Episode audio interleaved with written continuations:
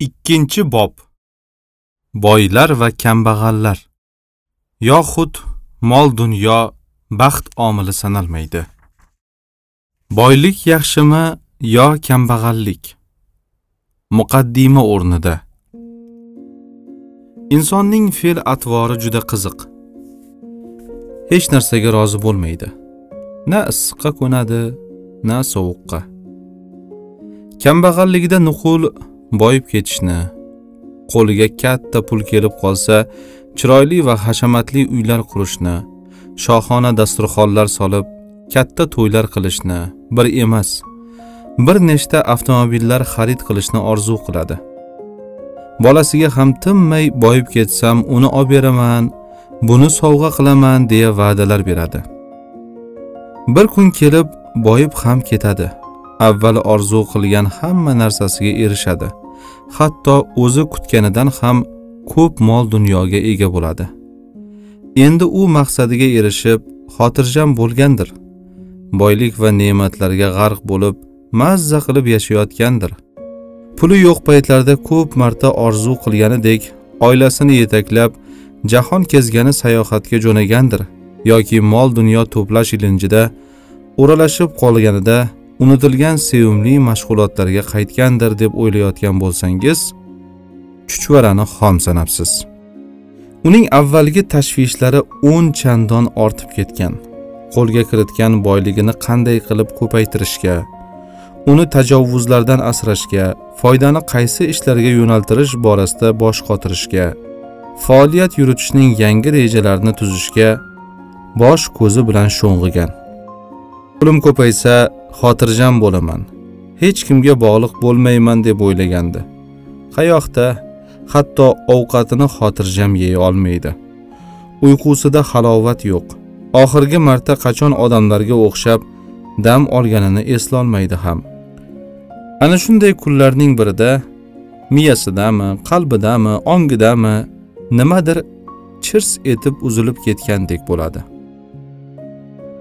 Yig'ib tergan jonidan ham aziz qilib asragan hamma narsadan voz kechib yelib yugurib ko'paytirgan mol dunyosi birdaniga ko'ziga xunuk ko'rinib qoladi. Shuncha umrini befoyda o'tkazib yuborgandek nadomat chekadi. Ko'ngli kambag'al odamlarnikiga o'xshagan oddiygina uylarni kamtarona turmushni faqirona hayotni qo'msab qoladi. Amerikada hyuz degan bir milliarder o'tgan. Aviator filmi ana shu odam haqida.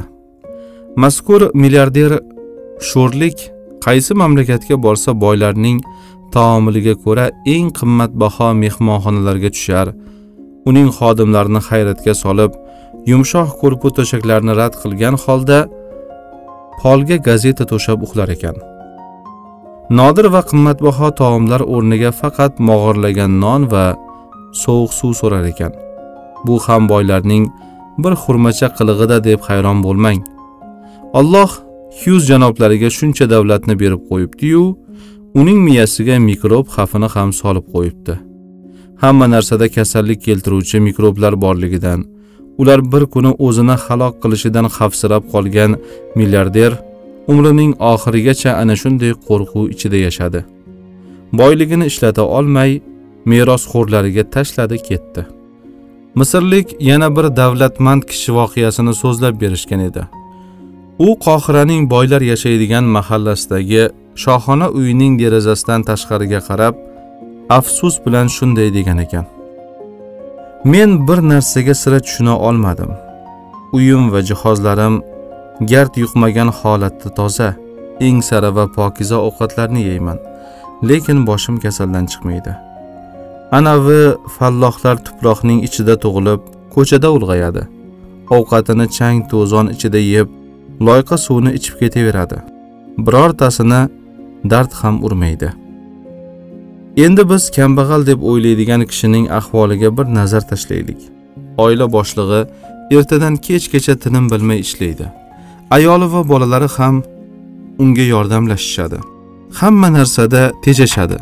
Akaning kiyimini uka kiyadi. Kattasining o'quv qurollari kichigiga qolgan kechagi ovqatni bugun isitib yeyishgan hatto bitta yo'l chiptasidan uch kishi foydalanadi. Ammo hech birlari ikki bo'lmaydi. Yeyishga pul topilsa kiyimga yo'q. Kiyimga bir iloj qilib jamg'arishsa o'qishga mablag' izlab qiynalishgan. Shunda hammalari baravar fig'on chekishadi. Nima gunohimiz uchun biz kambag'al qilib yaratilganmiz? Qo'shnimiz falonchidan qayerimiz kam axir? U ham ishlaydi. Biz ham ishlaymiz. Uning ham oltita bolasi bor. Biz ham shunchamiz. Ammo uning uyi faloncha xonali xorijiy jihozlarini garajidagi mashinalarni aytmay qo'ya qolaylik. Shumi adolat. Ish shunday ekan. Boy bo'lish yaxshimi yoki kambag'allik? Birov boylikka nima yetsin tiling burro martabang joyida hamma hurmat qiladi. Istagan narsangga erisha olasan boshqaga mute bo'lmaysan. Yana sadaqa ehsonlarni ko'p qilib xudogayam bandasigayam yaxshi ko'rinasan deb maslahat beradi. Yana boshqasi kambag'allikni maqtaydi. Kambag'alning hech qanaqa g'am tashvishi bo'lmaydi. Boyning ham xuddi kambag'alniki kabi bitta qorni bor bitta nonga to'yadi. Egniga ikki qavat kostyum kiymaydi ammo boyligini qo'lga kiritgunicha sog'lig'idan asabidan yaqinlaridan xotirjamligidan ajrab bo'lgan. Kambag'alda esa bunaqa tashvishlar yo'q. Qornini bitta to'ydiradi-da mazza qilib qotib uxlaydi. Boylarga o'xshab ellikka kirmay turib qand qon bosimi yurak xuruji kabi bir necha kasalliklarni orttirib olmaydi. Xo'sh bunda kim haq? Hayotda boy bo'lgan ma'qulmi yoki faqirlikka ko'nib kun kechirgan a'loroqmi? Moddiyotga qul bo'lgan g'arb olamining aqlli kishilari hamma ishda boylikni mol dunyoni birinchi o'ringa qo'yishadi. Ular nazdida hayot to'kin va farovon yashash jamiyatda katta mavqe va obro' e'tiborga erishish hatto oila a'zolaringga yoqish uchun sen badavlat kishi bo'lishing nima qilib bo'lsa ham qanday yo'l bilan bo'lmasin ancha muncha mol dunyoni qo'lga kiritishing zarur. Kitoblarda gazeta jurnallarda kinolarda boylikni maqtashadi.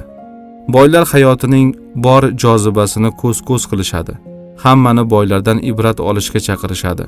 Shuning uchun aholining fikrini o'rganish maqsadida moskvada o'tkazilgan so'rovda qatnashganlarning 64 foizi baxtli bo'lish uchun inson boy bo'lishi kerak deb javob bergan. 8 foizigina odamlarga foydali ekanini his etib yashash baxtiyorlik omili deb hisoblagan. Bunga qarshi o'laroq sharq donishmandligi insonning baxtli yashashi uchun eng avval halol yashashni axloqiy mezonlarga rioya qilishni odamlar bilan munosabatlarda oliyjanoblik ko'rsatishni asosiy shartlardan hisoblaydi. Boylik mol dunyo insonning oliy maqsadlarga erishuvida bir vosita uni sinash uchun bir imtihon sifatida talqin qilinadi. Olimlar va donishmandlar mol dunyoga uncha e'tibor qilishmagan. Odamlarni ham unga rag'batlantirishmagan.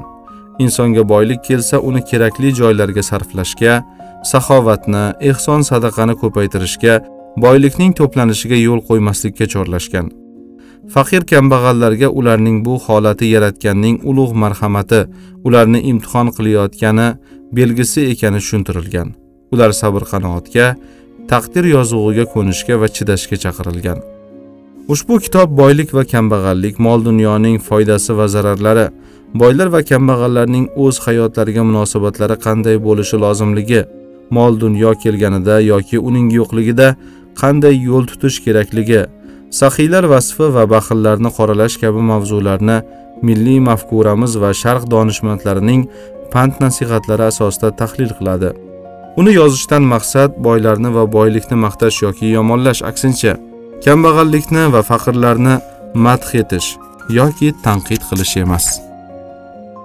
Niyatimiz hamma zamonda hamma joyda hamma vaqt ham boylar va kambag'allarning bo'lishini bu yaratganning hikmati va o'lchovlari ekanini buni o'zgartirmoqchi bo'lganlar sovetlarning boylarini yo'qotib hammani kambag'al qilish tajribasi kabi kulgili ahvolga tushib qolishi mumkinligini muhtaram o'quvchilarga bir karra eslatishdir. Boylik ham faqirlik ham insonga berilgan ne'mat bir sinov. Boylik kelganda insoniylikdan chekinmay mol dunyoga qattiq muhabbat qo'ymay uni joyiga sarflash kambag'allikda esa buni o'ziga berilgan bir ne'mat sifatida qabul qilib sabr va shukur qilish chin insoniylik mezonlaridir. Agar kitobimiz hozirgi havoyi nafslar junbushga kelib hamma mol dunyo ishqida yonayotgan bir paytda kimlargadir bu boradagi chin o'lchovlarni anglata olsa maqsadga erishgan bo'lur edik.